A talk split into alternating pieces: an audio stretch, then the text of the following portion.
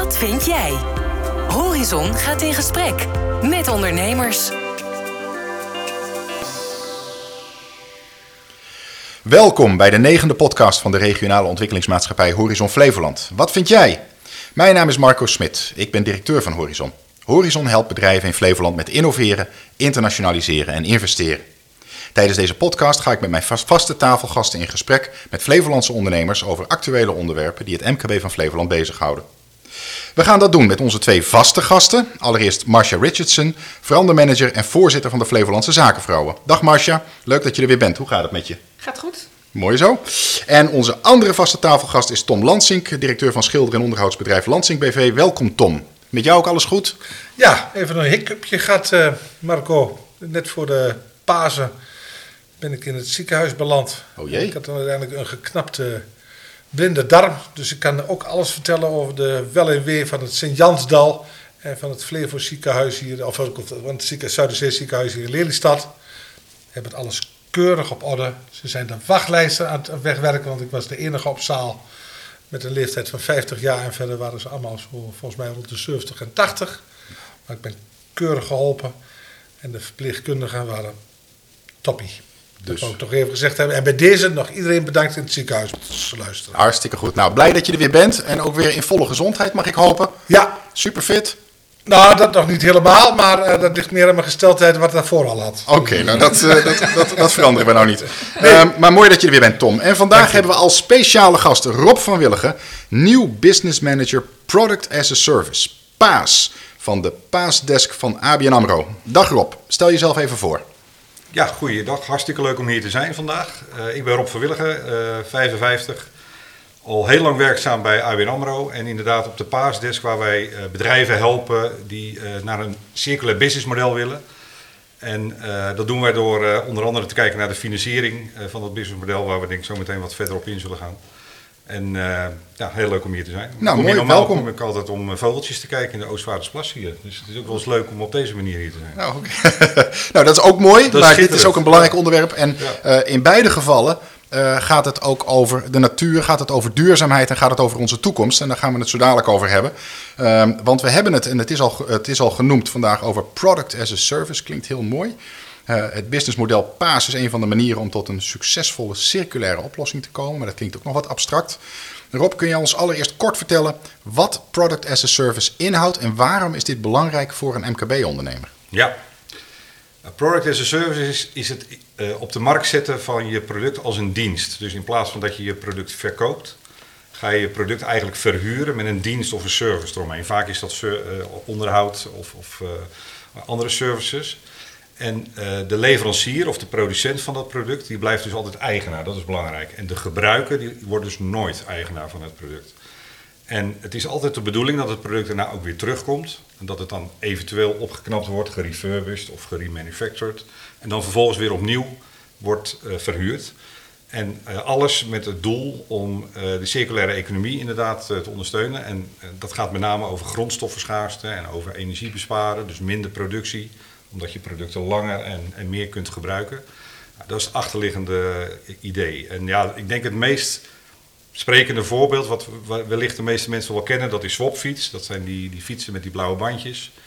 Ooit niet echt begonnen misschien als een circulair uh, model, maar wel een abonnementenmodel, wel een paasmodel, maar later circulair geworden. Daar kunnen we het zo ook nog even over hebben, wat, wat de verschillen nou precies zijn. Uh, maar inmiddels, twee, ik geloof 260.000 contracten uh, met, in heel Europa, waar dus fietsen verhuurd worden met reparatieservice, omruilservice, de diefstalservice, nou, ga zo maar door. En uh, Rob, dan, dan, dan het eerste wat mij dan in gedachten schiet is uh, lease. Uh, want dat kennen we natuurlijk. Hè? hoe, hoe verschilt dit van, van, van, van een lease-model? Ja, je hebt, je kijk, lease is een hele algemene term en je hebt heel veel verschillende lease-soorten. Maar als je het hebt over full operational lease, dat kennen we uit de autowereld, hè, de full operational car lease, dat lijkt heel erg op paas. Want feitelijk, je leest een auto van de leasemaatschappij en na vier jaar of na vijf jaar leef je hem weer in. Er zit een service, een onderhoudsverhaal in, vaak zelfs brandstof en alles zit erin. Dus dat, hoef je dan, dat zit allemaal in het maandbedrag wat je dan standaard betaalt. En die auto gaat uiteindelijk weer terug naar de leasemaatschappij en die gaat hem vervolgens weer uh, of doorverkopen of het liefst weer een keer uh, verliezen. Dus eigenlijk lijkt het daar heel erg op, maar dat is maar één onderdeel van, van alle leaseproducten. Je hebt namelijk ook financial lease, en dat is in principe gewoon een lening. Eh, En aan het eind van de periode wordt de gebruiker eigenaar van dat product. En dat is dus nu juist niet de bedoeling bij Paas. Paas Zeg, een het- stukje meer ontzorgen. Dat is eigenlijk wat de achtergedachte zit. ja, kijk, het is goed dat je dat zegt. Hè? Want, want de vraag is natuurlijk waarom. Het is voor bus- zowel business to business als business to consumers. En de vraag is natuurlijk waarom zou een consument dit willen? Nou, precies wat je zegt. De meest ge- gehoorde reden is ontzorging, flexibiliteit. eh, soms ook wel gespreid betalen. eh, en vaak pas op plek 4, 5 of 6 hoor je duurzaamheid. Dat is wel grappig. Terwijl het wel heel duurzaam kan zijn. Hè? Ja. Dat is in ieder geval de, de insteek ervan. En dat is ook de reden waarom wij bij ABN AMRO die paasdesk hebben. Want wij willen dus de, de duurzame voorbeelden, die willen we graag helpen. Dan hoor ik van mijn dochters anders. Mijn dochter, eh, mijn ene dochter is een afgestudeerd, maar die had vorig jaar, eh, de afgelopen jaren, zo'n swapfiets in Groningen. Ja. En die allemaal wordt ingezet op duurzaamheid. Allemaal, eh papa, ik wil gebruik maken van het gebruik en niet van het bezit. Dus ook, ook een rijbewijs, gebruikt ook natuurlijk onze auto. Hè, maar straks als ze gaat samenwonen, wil ze gewoon een auto delen. Met haar buurt of haar buurtgenoten of met de collega's. Dus eigenlijk, ja, voor mij is het heel plat gezegd, at least 2.0, maar veel meer doordacht waar je mee bezig bent. En ik vind dat, eh, ik vind dat, ik vind dat keurig. Ik hoop dat we ook eh, eh, eh, voorbeelden hebben waar we zeggen van nou, daar zijn al Flevolandse bedrijven druk mee bezig. Want dat is denk ik helemaal de toekomst. En kan het ook naast, dat, eh, naast de circulaire gedachte, daar kunnen we het zo nog wel wat meer over hebben, eh, kan het voor eh, producent ook financieel aantrekkelijk zijn? Want ik, ik, aan de ene kant denk ik ook ja, pff, eh, maar in plaats van dat ik het gewoon verkoop en het factuurtje wordt betaald, lekker makkelijk. Hè? Oh, oh, dit, dit, dit- het is wel een stuk complexer. Daar moet, wel, eh, daar moet ook wel iets van een financiële vergoeding tegenover kunnen staan. Ja, het is zeker complexer. Hè? En eh, wij adviseren ook bedrijven die hiermee willen starten: van ga niet over één nacht ijs. Want er komt echt heel veel bij kijken. Want je hele boekhouding gaat op zijn kop. Ja, Je- je, administratie ook natuurlijk helemaal. Ja, precies. ja. Je marketing, je sales, je hebt eigenlijk een ander soort mensen nodig. Want die moeten allemaal gaan nadenken. van, ja, we moeten betere producten gaan maken, want wij blijven eigenaar. En die producten moeten dus langer mee. Die moeten onderhoudsgevoelig worden. Die moeten makkelijk te repareren zijn. Dus dat zijn allemaal dingen die bij komen kijken. Maar als je dat goed onder controle hebt, dan denk ik dat je inderdaad ook heel goed geld ermee kunt verdienen. Want eh, bij de verkoop, nou, dan maak je misschien een eenmalige marge van 30%, 40, 50, nou, al gelang wat voor soort product het is. Maar als je product as a service goed uitvoert, kan je zo'n product misschien wel, wel drie of vier keer verhuren. Eh, Laten we even dat woord gebruiken, dat iedereen het begrijpt. En eh, dan kan je misschien uiteindelijk wel, wel 300% marge maken. En natuurlijk zitten er wel een aantal extra kosten bij, zoals service en onderhoud. Maar dan nog kun je er uiteindelijk veel, misschien wel veel meer geld mee verdienen. Kun je eens een voorbeeld geven van, eh, van een bedrijf waarbij je deze constructie hebt bedacht? Ja, er zijn, je ziet in de consumentenmarkt, dus consumentenartikelen, zie je best veel voorbeelden. En dan moet je eigenlijk ervan uitgaan dat alles wat je in huis hebt, kun je bijna tegenwoordig eh, as a service afnemen. Ik heb bijvoorbeeld zelf een wasmachine. Dus ik betaal je een vastbedrag per maand en daarbovenop betaal je dan bijvoorbeeld 50 cent per wasbeurt. Nou, En wat, wel grappig is, is dat dan heel veel mensen gelijk op de achterkant van de sigarendoosje gaan rekenen. Van ja, maar die wasmachine, eh, Miele, die kost 1000 euro. En eh, na acht jaar zit jij ook op 1000 euro. En daarna wordt het dus duurder. Maar aan de andere kant, ik heb natuurlijk nooit zorgen over, over onderhoud. Als die kapot gaat, eh, als er een betere komt die zuiniger is, dan wordt die omgewisseld eh, na verloop van tijd. Dus je moet ook eh, bepaalde waardes die je niet altijd in euro's kunt uitdrukken, bijvoorbeeld die ontzorging waar jij het net over had, eh, Marcia, ja, die moet je ook meenemen in, in, in wat het kost. Maar dat is een voorbeeld. Dus heel veel consumentenartikelen, elektro- elektronica, eh, nou, alles met wielen sowieso. En in de business to business zie je het ook met machines. Je, je, je kunt je voorstellen, houtbewerkingsmachines, eh, dus, dus eh, eh, metaalbewerkingsmachines van die L, eh, LCL. Nou, ik heb er iets minder verstand van. Maar- laser of met, eh, Precies. met water. ja, dat soort machines die, kun je, die zou je allemaal op die manier eh, kunnen gaan eh, ja, verhuren met een, met een service eromheen.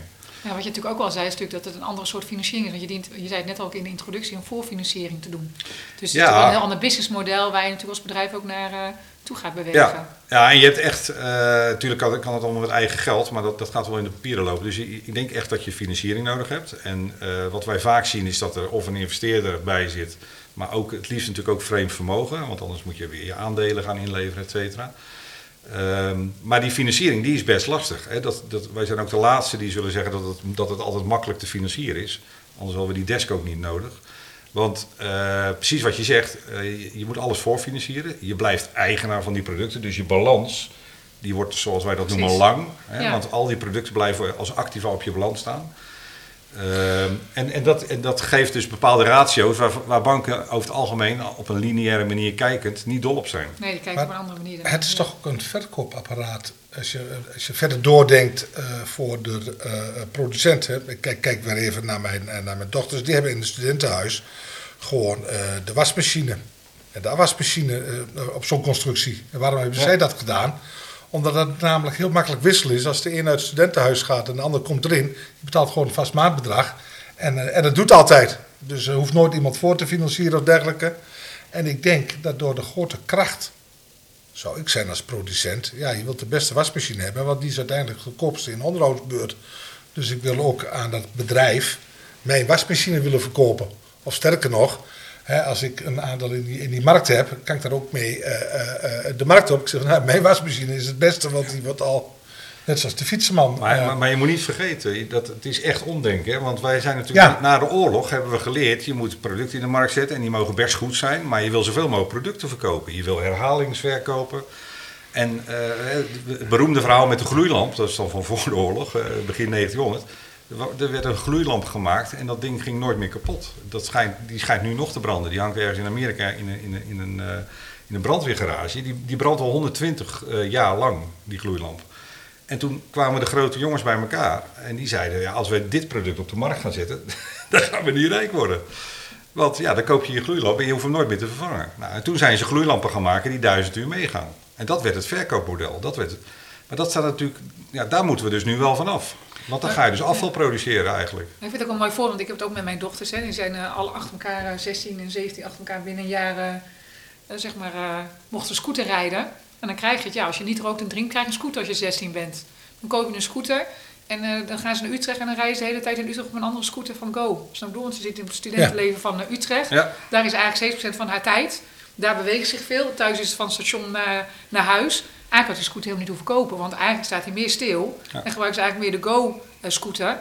Maar ja, dat was toen echt net opkoming. Ik zou nu niet meer een nieuwe scooter kopen. Ik zou nu laten gebruik maken, want ook in Almere zijn ze inmiddels, in zo'n Ja. maand. Het is echt wel een goed systeem. Maar de jonge lui gebruiken het grotendeels wel. Het, het interessante hè, van dit voorbeeld, dit, zijn, dit is een deelplatform waar je, waar je het over hebt, een sharing platform. Hè, dus inderdaad al die scootertjes die in al die, alle, alle steden en de, en de elektrische fietsen die je zo kan pakken voor een uurtje afrekenen via app. En dan eh, vind ik altijd wel een mooi voorbeeld van zo'n scooter. Dat zijn dan vaak elektrische scooters inmiddels, dus dat is prima. Maar als, stel dat alle mensen die normaal lopen op zo'n scooter gaan, of die normaal op een gewone fiets rijden op zo'n scooter gaan, dan is het eigenlijk een achteruitgang. Want die scooter moet wel geproduceerd worden. We hebben wel het hele batterijenverhaal en, eh, en, en het tekort aan me- metalen. Gaan alle mensen uit vervuilende dieselauto's op zo'n scooter rijden, dan is het weer een vooruitgang. Dus het is ook best wel ingewikkeld. Wanneer is het nou duurzaam? Want die vraag krijg ik natuurlijk duizend keer. Van ja, maar jullie gaan dit nou wel doen, maar is het wel circulair? Nou ja, dat hangt er dus af en toe wel vanaf. Ja, maar je gebruikt hem wel wanneer je het nodig hebt. En nu staat hij mij toch geregeld ook in. Hè, staan er- we hebben vier dochters, ik met mijn zus samen, alle vier een scooter. Er staan toch minimaal twee, drie altijd stil. Dan En, is het eh, altijd beter. Ja, Eens. dus ik denk, en de jonge lui die gebruiken het vaak op korte stukken. Zeker. Eh, heb dus je, ja. Rob, heb je al succes geboekt in Flevoland? Ja, wel met bedrijven die landelijk werken en die dus ongetwijfeld ook in Flevoland eh, werken. Eh, ik werk zelf eh, op het hoofdkantoor in Amsterdam. Ehm, ik heb niet voorbeelden, maar ik weet wel dat hier veel MKB-maakindustrie zit in Flevoland. En als er één sector is die zeer goed hiermee zou kunnen experimenteren, is het die sector. En, want kijk, er zijn ook bedrijven die kopen een product en die gaan het dan als een service in de markt zetten. Nou, dat is best aardig, maar het mooiste is natuurlijk als die producent hiermee gaat starten. Want die gaat echt betere producten maken. Die gaat, andere, die gaat zelfs andere onderdelen gaat die gebruiken. Snel slijtende onderdelen, waar hij normaal met spare parts geld aan verdient. Als hij ze mag eh, meeverkopen. Die gaat nu, ja, maar ik ga dat product of dat onderdeel ga ik nu vervangen. Want ik blijf eigenaar en dat mag niet meer kapot. Nou, en voor Ja, mij een wordt beetje het... gekke omgekeerde wereld dan, Ja. als je erover nadenkt. Ja. Dat je nu, nu mag het niet meer stuk. Ja. Maar nu vertel je wel twee verhalen. Het verhaal je, waar je mee begon was, het, eh, nou, iemand heeft een plan, hè, laten we zeggen, voor die, voor, die, voor, die, voor die deelfietsen. En die heeft kapitaal nodig omdat hij moet investeren om de fiets te laten maken bij de producent. En nu heb je het over de producent die een dienst in de markt wil zetten. Ja. En natuurlijk ook moet investeren, want eh, de, de halffabrikaten moet hij natuurlijk ook allemaal kopen. Eh, maar het is natuurlijk wel interessant als de hele achtergrond, hè, de de hele huishouden in de computer en de administratie en dergelijke, dat dat is natuurlijk voor elk bedrijf een beetje, zit er gewoon veel zelfde links in en dergelijke. Helpen jullie daar dan ook bij? Hè, kan de, de visverwerkende industrie, waar wij de machines maken op Urk, zou die, zou die meneer zich kunnen melden bij jullie en jullie kunnen ze verder helpen? Niet alleen eh, met financiering, maar ook met het opstarten van, van die dienst. Ja, dan praat je, hè, dat, dat is een, een volgende, dat is, dat is een ander vak, zou, zou ik bijna durven zeggen. Dat is eigenlijk consultancy waar je het dan over hebt. Dan ga je Ja. echt bij een bedrijf naar binnen en dan ga je ze helpen eh, om, eh, om samen zeg maar, dat businessmodel te introduceren. Nou, dat doen wij in een bepaalde vorm, doen we dat, maar dat doen we niet standaard voor, voor alle paasbedrijven. Dat doen we niet. We hebben wel bijvoorbeeld Impact Nation. Wat we dan doen is dat we een bedrijf die wil een, een stuk gaan verduurzamen. Dat kan zijn een bepaald eh, product wil die, eh, wil die ander ma- materiaal voor gaan gebruiken. Eh, dan halen wij er een start-up bij en dan maken we daar een 100 dagen sprint van. Die start-up die wordt dan geïntroduceerd bij dat bedrijf. En die gaan samen in 100 dagen gaan ze zo'n product eh, veranderen, zeg maar. ja. Dus dat doen we wel, maar voor paasbedrijven, we, we- we bieden een netwerk aan, we bieden inderdaad financiering aan. We hebben ook een partnership bijvoorbeeld met Nauta Dutiel, want het contract, hè, daar hadden we het net even over. Het contract is eigenlijk heel erg belangrijk bij Product as a Service. Want, en dan bedoel ik dus het contract tussen de leverancier van het product of de verhuurder eigenlijk van het product en de eindgebruiker. Dat contract is heel belangrijk. Waarom is dat zo belangrijk? Daar moeten allerlei ingewikkelde juridische alinea's in komen, waardoor het financierbaar wordt. En dat heeft onder andere met overdraagzaamheid van het contract te maken, et cetera. Dus we hebben een partnership met Nauta Dutiel, een groot advocatenkantoor. Nou, die maakt dus die contracten voor die paasbedrijven. Dus dat zijn wel allemaal extra dingen die we doen. We gaan nog niet zover, maar wie weet komt het. Dat we ook echt eh, zo'n bedrijf aan de hand nemen en van A tot Z dat hele businessmodel gaan optuigen. Zover zijn we nog niet. Ja, wat we natuurlijk wel hebben in Flevoland is een aantal business development managers bij Horizon. Hè, onder andere op het gebied Ja. van de circulaire economie. ja. Ehm, zoals Matthijs Meijer en Mandy van Vught, die eh, ook echt met die ondernemers verder de diepte in kunnen gaan. En naar dat businessmodel kunnen kijken. Eh, ondernemers ook aan elkaar kunnen koppelen die met hetzelfde bezig zijn. Ehm, die en, en dan ook samen naar de financiering kunnen kijken, naar de juridische kant kunnen kijken. Ja. Eh, en ook met die ondernemer kunnen kijken, want het is natuurlijk altijd maatwerk. Wat betekent dat nou voor jouw bedrijf? Hè? Want ik kan me ook voorstellen, dus ook een oproep weer aan alle luisteraars om als je dit soort vragen hebt, eh, vooral contact op te nemen met Horizon. En dan komen we graag bij je langs om hierover te praten. Ehm, want een vraag die ik daarover heb is, ik, ik zie hoe dit werkt voor, laten we zeggen, eindproducten. Eh, maar we hebben in Flevoland ook veel producenten van, eh, van, van halffabrikaten of die, die toeleverancier zijn eh, aan, eh, aan, aan andere bedrijven. Hoe werkt het daarvoor? Ja, ik denk dat het dan, dan wordt het lastig. Want als je daar eigenaar van zou blijven, hè, als toeleverancier, en, en jouw product wat je toelevert, dat, gaat, Ja. ja. dat wordt een onderdeel van een machine. Ja, dan, dan kan je dat ook niet meer terughalen op dat moment. Je zou wel kunnen, afspraken kunnen maken voor de- degene die dan het, het eindproduct wel levert eh, aan de markt. Die kan dat dan as a service gaan doen. Dat hij wel een connectie natuurlijk houdt, die heeft hij waarschijnlijk sowieso al, met die toeleverancier. Van joh, kun jij, an- kan jij een ander soort eh, tandwieletje gaan gebruiken? Want het is nu van kunststof, maar het is misschien beter om dat van messing te maken. Want wij krijgen vaak de klacht dat dat eh, onderdeel het snel slijt. Dus zo zie je dat er in die hele keten moet er eigenlijk samengewerkt gaan worden. En dat is ook het mooie van de circulaire economie. Het is dus niet alleen eh, eh, bijvoorbeeld de, de, de groothandel die een product inkoopt en as a service wegzet.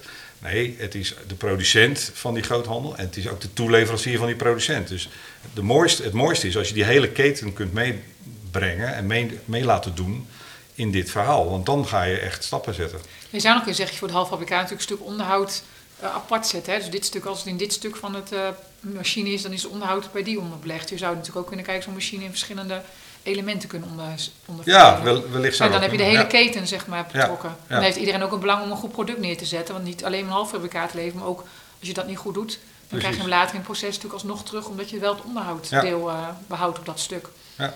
Ben je wel mede verantwoordelijk de kwaliteit van de rest van de, eh, Ja. van de product. Ja, ik kan me heel goed voorstellen als je eh, kozijnen maakt. eh, die, in een, die, in een, die in een gebouw gaan of die in een huis gaan. Dan, dan, hè, dat je nog steeds verantwoordelijk bent voor dat kozijn. Hè? Voor, voor een x aantal jaar. Hè? Dat is, maar het is natuurlijk lastiger als het echt diep in de machine verstopt zit, zou ik maar zeggen. Een schroefje dat ergens Ja, dan ver weg zit. Ja, Ja. en contractueel is denk ik ook lastig. Hè? Want Het- daar, komt natuurlijk ook eh, Ja. de uitdaging. Het- Het geeft natuurlijk een hele man- nieuwe manier eh, van denken en kijken aan waar we nou mee bezig zijn. Hè? Ik weet niet of jullie van een paar weken geleden die reclame van eh, eh, Landrover gezien hebben over de Defender. Nee? Nou, we weten allemaal, eh, die Defenders, dat ze heel veel eh, benzine gebruiken en heel erg niet zo zuinig zijn en daardoor milieuvervuilend. Er stond een grote advertentie in.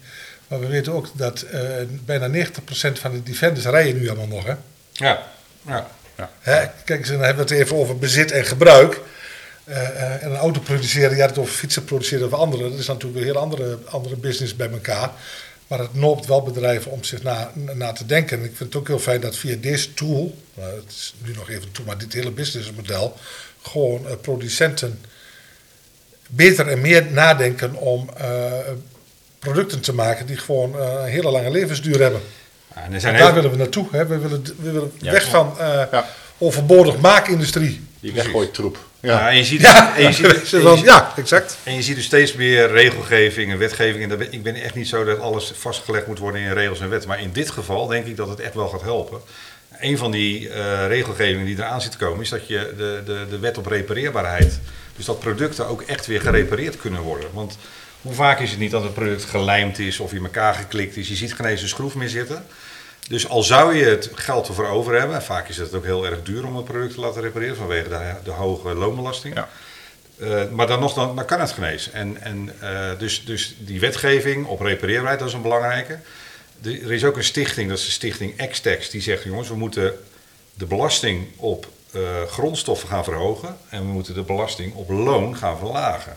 Daardoor eh, zullen mensen die die grondstoffen nodig hebben om producten te maken, die zullen dus veel zorgvuldiger omgaan met die producten, eh, eigenaar blijven. En vervolgens is het ook veel lucratiever om die producten te laten repareren. Ik had een keer een nieuwe, een nieuwe broodrooster nodig. Ik, ik had gegoogeld en je had, je voor 14,99 euro kun je, dat was de goedkoopste die ik kon vinden. Die komt waarschijnlijk ergens uit Azië. Ja, dat ding is na twee, drie maanden is die kapot. Dan is die of doorgebrand of hij is, er breekt wat af. Nou, stel dat ik dat ding zou laten repareren, dan moet je dus naar zo'n repaircafé. Die kennen, die kennen we hier ook volgens mij. Ja, dat zijn klopt. meestal, met alle respect, hè, met wat oudere mensen die al met pensioen zijn, die op zaterdag één keer in de maand dan de spulletjes eh, gaan repareren voor weinig of voor niks. Nou, blijkbaar is dat de enige manier. Terwijl als je een hele goede broodrooster koopt, nou, Dualit eh, heb ik dan uiteindelijk gevonden, die kost dan 135 euro. Maar die kan je in allerlei onderdeeltjes kan je vervangen. En die kan ik wel wegbrengen om voor twee tientjes te laten repareren. Wel de uitdaging is natuurlijk personeel. Want je moet niet vergeten dat echt met je handen werken en dingen maken. Nee. Ja, Je zegt het net al tussendoor, hè, dat zijn vooral wat gepensioneerden. De jonge generatie is niet bezig met herwerken, met, met dingen repareren of met echt met je handen werken. Is wel een uitdaging om dat eh, als dat te niet, maar tegelijk, als ik het zo het verhaal even hoor, ik denk, eh, je gaf het, jullie gaven het ook al aan via jullie eigen dochters, eh, dat eh, de nieuwe generatie, de jonge generatie, eh, dit, dit concept veel eerder doorheeft, omdat ze het niet hoeven te hebben, maar dat ze er wel toegang toe willen hebben. Eh, we hebben met z'n allen de ambitie dat we minder spullen willen gebruiken. Eh, we zien dat materialen steeds duurder worden. We zien dat mensen steeds duurder worden. Eh, dus je wil daar ook minder gebruik van maken. De overheid, die geef je zelf ook al aan, die wil dit via wetgeving die kant op duwen. En ik denk dat we allemaal wel zien dat we deze kant opgaan. En nou ben ik een ondernemer in Flevoland. En ik maak ehm, ehm, eh, landbouwmachines. Eh, en ik denk, god, dat vind ik toch wel interessant. eh, hè, want ik wil ook iets voor deze planeet doen. Ik, volgens mij is hier ook nog wel een stuiver aan te verdienen. Eh, en, ik, en ik snap het wel, wat die mensen daar vertellen. En, nou, en, ik- ik, wil een stap verder. Waar moet ik dan waar moet ik op letten? Hoe, hoe begin ik? Ja, het uitermate interessant voorbeeld. Eh, alles eh, rondom landbouw zien wij dat dat vaak niet elke dag gebruikt wordt. Oogstmachines, nou, die worden volgens mij alleen rondom de oogst gebruikt. Zaaimachines, nou, et cetera. En eh, we kennen natuurlijk al de loon, eh, loonbedrijven. loonbedrijven met Ja. de grote combines. Hè, die, die, die, die heeft een boer zelf ook niet, eh, of een landbouwbedrijf. Nou is het wel zo dat iedereen tegelijkertijd wil zaaien. Ja, Ja, dus- ja, dat is, ja. je krijgt een nieuwe uitdagingen. Ja. Ja, maar dan nog, ook die grote combines, die worden ook netjes eh, per week eh, gehuurd en dan gaat hij weer naar het volgende bedrijf. Dus het kan wel. En, eh, dus die, dat is zeer, zeer interessant. En ja, waar moeten ze op letten? Ze moeten dus op, op een andere manier gaan nadenken, de producenten van dit soort producten. Maar wat wij vaak zien is als je dit gaat doen naast je verkoopmodel, naast je, zeg maar, je lineaire model, zo zou ik sowieso beginnen. Ik zou niet in één keer van de een op de andere dag volledig overgaan. Ja, dan moet je er echt over nadenken. Moet ik dit niet apart zetten? Moet ik hier niet eh, misschien wel een aparte manager opzetten, een aparte marketingafdeling? Want nou, wat we in het begin al zeiden, je moet echt op een andere manier gaan nadenken over dat product en over de, de, de productie. Maar ook je relatie met je klant wordt natuurlijk heel anders. In plaats van eenmalig verkoop, verk- verkoopfactuur en En je ziet elkaar bij wijze van spreken niet meer. Ga je nu misschien wel een tienjarige relatie aan. Hè? Je, je wil een lang Ja, en ik blijf toch wel zeggen dat ook personeelswijs je moet gaan nadenken. Want logistiek is bijna geen personeel te krijgen. Technische eh, handelen eh, is bijna geen personeel nu in te krijgen. Dus je ook iets moeten gaan doen educatie en het weer wat meer sexy maken. Om ook dat soort banen, dat ga je wel nodig hebben om ook eh, dit te kunnen faciliteren. En de productie weer terughalen naar eh, West-Europa. Ja, ja, daar ben ik wel benieuwd. Hoe denken jullie daarover na als bank? Eh, hebben jullie daar ook iets... eh, Nou ja, wij zijn daar, eh, voor zover wij daar invloed op uit kunnen oefenen. eh, Als de bedrijven hier weer eh, eh, productie willen gaan, eh, gaan voeren, dan zullen wij daar zeker eh, proberen eh, daar ook te- die bedrijven te financieren. Maar eh, eh, zolang het nog goedkoop is om uit Azië spullen te halen, eh, blijft dat natuurlijk lastig. En dat is ook het lastige van circulaire economie. Je staat altijd met 3-0 achter. Zolang er nog dat soort eh, concurrenten zijn. Ik ben niet bang voor het personeel. Hè. Ik maak even de vergelijking, eh, eh, dat is algemeen bekend. eh, eh, hoe meer elektrische auto's, hoe minder mon- onderhoudsmonteurs. Hè. We zien wel wat de Tesla doet, die heeft geen onderhoud nodig. Ja, een paar set nieuwe banden eh, op, de, hè, op, de, op de 50, 60.000 kilometer.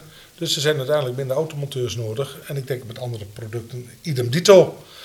Dus ik- daar ben ik nog niet zo bang voor. Eh, eh, ik denk dat we automatisch naar hogere kwaliteit moeten om dat op te kunnen vangen. Dat is een van de voordelen. Je krijgt wel aan de andere kant wel weer meer transportbewegingen, want je gaat spullen ook weer terughalen. Maar ja, eh, je krijgt service hubs, die, zouden ook samen kunnen gaan werken. Hè? Waarom, waarom, ik kan me voorstellen dat je zo meteen voor een bepaalde artikelengroep, eh, dat meerdere bedrijven gaan samenwerken aan één service hub. Ja. Eh, en net zoals met de postbezorging, eh, dat, dat, dat zou ook veel slimmer kunnen. Waarom hebben we vijf verschillende postbedrijven die bij jou de straat in komen rijden? Waarom niet gewoon één? Nou, dat zou hier ook kunnen, hè, wat mij betreft. Vroeger Dus- hadden we één staatsbedrijf. Dat was wel een, Ja. was een- toch wel een stuk makkelijker. Ja. Ja. Maar goed, dat heeft ook weer een hele hoop andere Ja. nadelen. We weten allemaal hoe lang het vroeger kostte voordat je bij de PTT een nieuwe telefoonaansluiting kreeg. En dat is tegenwoordig ook in een paar minuten geregeld. Dus Ja, eh, dat dat verschilt. Hey, eh, weer even terug naar die, die Flevolandse ondernemer. Die denkt, dit is een interessant. eh, dit is interessant. Ja, nou, je hebt net al aangegeven, gooi niet in één keer de hele boel over de kop. Maar, maar kijk of je hier dit in een aparte unit als het ware kunt gaan proberen. Heb je nog een paar do's en don'ts? Ja, ik zou altijd met een, een hele trouwe klant waar je al jarenlang je spullen aan verkoopt, dit gewoon eens gaan uittesten. En ook gewoon zeggen van laten we dit nou eens op deze manier gaan doen. Eh, Oh ja. Open calculatie, zeg maar. Want eh, ik, ik krijg ook altijd de vraag, ja, wat moet ik nu rekenen? Ik zeg ja, ik zeg, jij bent de ondernemer en jij, jij, jij, jij produceert. Ik vind dat ook lastig. Ik weet niet hoe de markt is. Hè. Dus, dus eh, ga daarover nadenken en ga gewoon eens naar een trouwe klant. En zeg gewoon, jongens, we gaan dit proberen. En over een jaar gaan we eens evalueren. Kom ik tekort? Kom jij over de brug? Kom jij tekort? Kom ik over de brug? Nou, dat soort afspraken moet je maken. Eh, je moet eh, natuurlijk met een goede financiële partner gaan samenwerken. Met, met, je bank eh, moet je goede afspraken maken. Het is ook altijd wel fijn, omdat het toch ook deels risicokapitaal is wat nodig is. Om met, met eigen geld of met een investeerder te, te samen te werken. Ja, en dan prognoses maken. En dat is natuurlijk het lastigste. Van, ja, hoe, hoe, hoe groot gaat dit nu worden? En daar moet je calculaties op losmaken, scenario's op losmaken. En, eh, en ja, als het gaat om contracten, dus inderdaad goed eh, nadenken. eh, hoe ga je dat contract opstellen? Wat moet erin staan? Wat vindt de financier daarvan? Nou, het voorbeeld wat ik net gaf met Nauto Detail, dat zou kunnen. Eh, ja, en op die manier gewoon gaan proberen. Dit is de enige manier. Ik vind het wel grappig wat je net zegt. Hè? Eigenlijk gewoon eens pak, pak een van je meest. eh, ik zag jou ook knikken. eh maar jij pak een van je, van je, van je beste klanten. En doe gewoon met, met, met open boekhouding als het ware. Ja. Eh, ga het eens testen. Zeker, dan moet die ander er wel voor in staan. En natuurlijk Tuurlijk. voor in zijn natuurlijk. Maar Ja, ga het gewoon eens dat je het ook op basis van feiten kan gaan doen. Hè? Want nu is het vaak scenario denken wordt toch vaak op bepaalde aannames gedaan. Kijk, als je bij een werkelijke klant doet, kun je ook echt kijken, werkt het ook echt? En dan kun je nou ook beter op feiten evalueren. En, eh, dan eh, ook precies. keuzes maken. En kun je dan ook, hè, want ik denk dat het ook wel in de, in de marketing ook een interessant eh, instrument is. Even los van het feit dat je je klant meerdere, meerdere ja, eh, afnamemodellen presenteert. Maar ehm, eh, we willen als bedrijf ook laten zien dat we bezig zijn met een duurzame toekomst. Hè. Hoe kun je dit nou in je, in je communicatie, in je, in je marketing meenemen? Hè? Want het is, het is natuurlijk niet een heel makkelijk verhaal. Hè? Eh, hoe, hoe kun je dit nou, eh, laten we zeggen, hoe kun je hierdoor jouw bedrijf ook nog aantrekkelijker positioneren? Uh, ik denk als jij product verkoopt of je zet het product in de markt als een service, met, met, dan is met name dat laatste, die service, die is heel belangrijk. Hè. Ze noemen het ook wel servitization. En servitization, daar zijn ook hele boeken en rapporten over geschreven wat dat nou precies is. Maar in principe is dat een getrapt model. Hè. De, de, meest simpele service, dat is dat je garantie geeft op een product. Dat vinden we allemaal heel normaal. Als je iets koopt, dan krijg je een jaar garantie, vijf jaar garantie. Nou, dat is eigenlijk de onderste trap van servitization. En zo kan je dat verder opbouwen. En de vierde, het vierde niveau van servitization, dat is PAS. Dat is Product as a Service. Dan, ga je dus, dan blijf je dus eigenaar en dan, dan vat je alles in die, in die service. Maar daarmee kun je dus fantastisch onderscheiden ten opzichte van een concurrent die gewoon een product verkoopt, eenmalig geld vangt en dan nou, misschien nog een, stukje onderhoud of service uh, tegen betaling doet. Nou, daar kan jij je dan wel uh, in onderscheiden. En een van de dingen die bijvoorbeeld bij Product a Service heel goed passen, dat is als er een nieuwe ontwikkeling is van het product, kan je hem omruilen. En dan kan je, kan je ook een soort tweede markt gaan creëren. Uh, bijvoorbeeld een markt van, van, van, van bedrijven die iets minder ervoor over hebben en die niet het allernieuwste van het nieuwste product willen. En toen ik die wasmachine ging afnemen, kon ik kiezen uit vier soorten wasmachines. Een hele nieuwe luxe, een hele nieuwe simpele, een tweedehands luxe en een tweedehands simpele. Dus met allemaal verschillende prijsklasses.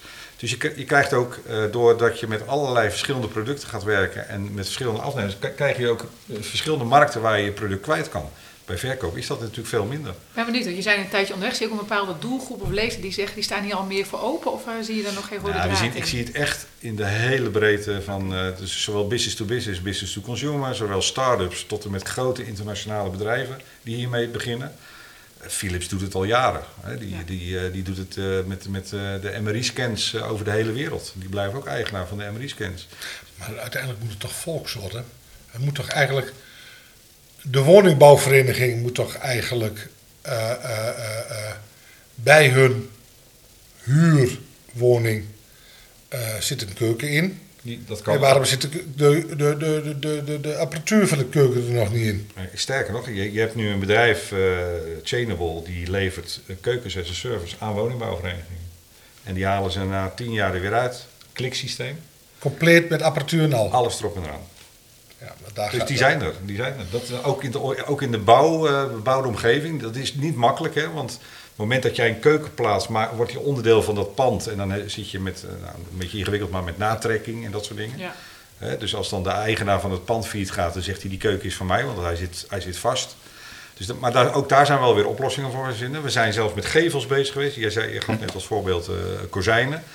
Wij zijn bezig met een bedrijf die een hele gevel, een aluminium gevel, in een appartementencomplex als een service levert. Inclusief de, de elektronische sluitingen, maar ook het, het Uh, wassen. Rob, moet ik het onderbreken? Een slecht voorbeeld. Aluminium. Dat, dat, dat wordt de schilder niet graag. Ja, ik, kan je wel een, ik kan je wel een beter voorbeeld geven. Hier horen we de schilder. Ja. Nee, we, we, we, weten allemaal dat uh, in principe duurt een bos 25 jaar en dan is die productie rijp en kunnen we de kozijnen van maken. Dus als ik maar zorg als schilder dat de kozijnen, als je ze goed schildert, langer dan 25 jaar meegaan, heb ik dus iets te pakken wat CO2 oplevert, of in ieder geval meer afbreekt, dus dat heb ik een winnaar. Ja. Alleen zit ik precies hetzelfde, hè, want het idee heb ik wel verder eens een keer uitgedacht. Je zit met het idee, ja, als die vent failliet gaat, wat gebeurt nou met het kozijntje thuis? Je kunt het niet uithalen. Nee. Hè? Nee, of wat als er een brand is, hè? laat ook even gek zeggen of dat ik, soort dingen. Hè? Ik, uh, ik, uh, we hebben het hier over Product as a Service, PaaS. Ik, ik moest in één keer denken aan Painting as a Service, is ook PaaS. Uh, misschien kun je dat uh, ontwikkelen in de toekomst, Tom. Dat je, ja, het is, het, het is daar als... een het is daar een basis van. Maar ik vind, uh, is het voor jullie echt is het een bijproduct? Is het om mensen, net zoals Horizon bezig is, zo is natuurlijk elke grote corporates, zoals banken, ook, zijn ook bezig om producten meer te doen dan alleen uh, uh, uh, hypotheekjes te verstrekken nou, en bankleningen en dergelijke. Feitelijk is het niet echt het product. Hè. We, we, we, financieren het met gewone bestaande financieringsproducten. Ja. Dus dat zijn gewoon de leningen, de, de leases, eventueel de rekening couranten. Daarmee wordt het gefinancierd. Maar wij hebben wel in onze strategie dat wij bedrijven willen helpen met het sneller verduurzamen van hun businessmodel. Maar ook, dat is, dat, dat ik zou dan zeggen zien dat stukje advies, advieswerk en de kenniskunde die opdoet, het scenario denken en dat ja. omdenken. Ja daar zou ik juist een hele grote kracht vanuit jullie kunnen zien. Ja. Dat jullie zoveel kennis opdoen over verschillende markten. Dan zou je mij als bedrijf ontzorgen. Want ik heb misschien heel, alleen met technische mensen heel gericht op een bepaalde markt inhoudelijk. Maar niet heel veel kaas gegeten van dit soort nieuwe ontwikkelingen. Daar zie ik voor jullie wel. Ja, het, het en ook als een service, hè, waar je ook natuurlijk iets voor kan vragen. Net zoals de hypotheekadviseur dat natuurlijk doet. Het hoeft niet om niet. En, en daaraan gekoppeld natuurlijk wel ook dan de financiering uh, met ze samen kunnen ja. regelen. Dat zou ik wel als een voordeel zien. Maar je hebt het altijd over, uh, of altijd, sorry Rob, dat is positief bedoeld. Uh, mensen die naar jou toe komen, maar is, eigenlijk is het toch de accountmanager van Horizon, de accountmanager van de bank. die hun klant kent en die zegt van, uh, nou, simpel zoals even de, de fietsenfabrikant of de... Zou dit systeem niet wat voor jullie zijn? Absoluut. En daar zijn we dus nu ook mee begonnen. Hè. Wij bevragen onze klanten ook van uh, hoe, hoe, kijkt u naar de circulaire economie en, en wat doet u er daaraan? En, nou, en als ze zeggen, ja, maar dat kan bij, mij, uh, bij, bij mijn business kan dat niet. Nou, en dan kan je met dit soort voorbeelden komen als het past. Uh, dat, is zeker, dat is zeker waar. En, uh, en die consultancy werkzaamheden, ja, ik, ik, ik, ik, denk niet dat we daar, of ik denk inderdaad dat we daar op, op enig termijn best wel eens mee zouden kunnen gaan beginnen. Dat is ook een service, hè, om zorgen Absoluut, maar dat is wel iets nieuws voor banken. Hè? Dat is ja. niet wat we gewend zijn natuurlijk. Het is, het is uh, ook een ander businessmodel, hè? dus eigenlijk ook een ja. ontzorgen van de, de, zeker. de het, is, uh, het is zeker nieuw uh, wat, we hier bedacht, wat, wat hier bedacht wordt natuurlijk. het is ook best wel lastig denk ik voor veel ondernemers. Dat zie je ook wel aan de discussie die zich hier ons, ontspint. Uh, maar het, het, ik denk dat we allemaal wel aan ons water aanvoelen dat, uh, dat het hier wel echt gaat over een belangrijk deel van onze toekomst. Ja. Uh, en dat we minder moeten gebruiken zien we allemaal. Dat willen we ook allemaal. Nou, en hier hebben we volgens mij een fantastisch instrument in handen om in ieder geval een deel van de ondernemers daarmee een flinke stap verder te helpen. en daarmee zijn we alweer aan het einde gekomen van deze negende podcast. graag wil ik eerst onze gasten bedanken voor deelname. Eerst natuurlijk onze gasten Rob van Willigen. Dankjewel dat je er vandaag bij was. En Marcia en Tom, als altijd, veel dank. Uh, mocht je naar aanleiding van vandaag nog vragen hebben, dan kun je altijd contact opnemen met Horizon Flevoland. En dan kan een van onze MKB-accountmanagers je hopelijk verder helpen. Te vinden via de site www.horizonflevoland.nl. Dat was het voor vandaag. Hou onze socials of de website van Horizon in de gaten voor de volgende podcast. Uiteraard altijd te vinden op onze website of in de Spotify podcast app. Wil je zelf onderwerpen aandragen voor de volgende podcast? Dat kan. Neem contact op met Horizon via LinkedIn of Twitter en we nemen het in serieuze overweging. En als je onderwerp wordt gekozen, dan kun je misschien ook als tafelgast aanwezig zijn bij de opnames. Ik zou zeggen, praat mee. Dank voor het luisteren en tot de volgende keer. Wat vind jij? Praat met ons mee op LinkedIn via de hashtag Wat vindt Flevoland.